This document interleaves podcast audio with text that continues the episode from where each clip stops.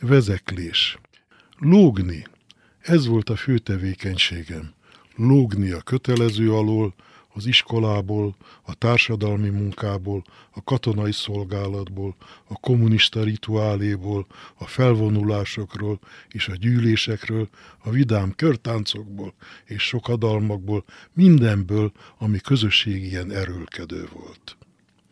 Talán ott dőlt el a dolog, hogy ez nekem nem megy, amikor unoka fivérem, Zádor István rábeszélésére gimnazista koromban egyszer elmentem egy kommunista mozgalmi körzetbe, ahol olyan lányokkal kellett táncban összefogóznom, akikkel nem kívánkoztam összefogózni. Később szociális munkásként is a hajdani úri fiú mi voltomért vezekeltem. Azért, mert nekem jó cipő volt a lábamon, mikor szembe jöttek a főutcán a mezitlábas parasztgyerekek.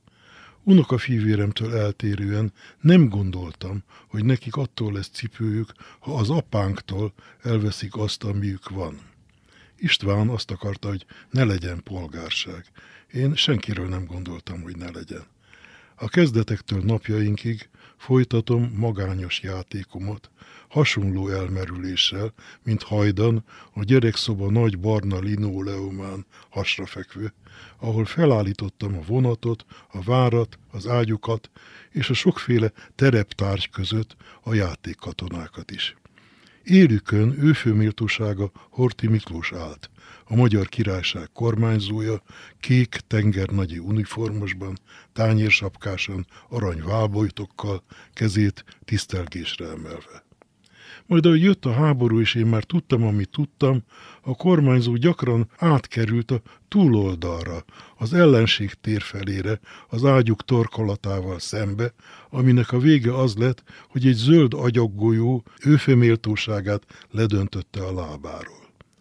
Amikor Beretyújfaluba visszautazva megtudtam, hogy csak mi élünk, és hogy a többi gyereket, iskolatársaimat megölték, elővett, jobban mondva folytatódott a bűntudat, amelyet már kisgyerekkoromban is éreztem, hogy talán szégyenkeznem kellene azért, mert a többieknél módosabban élünk.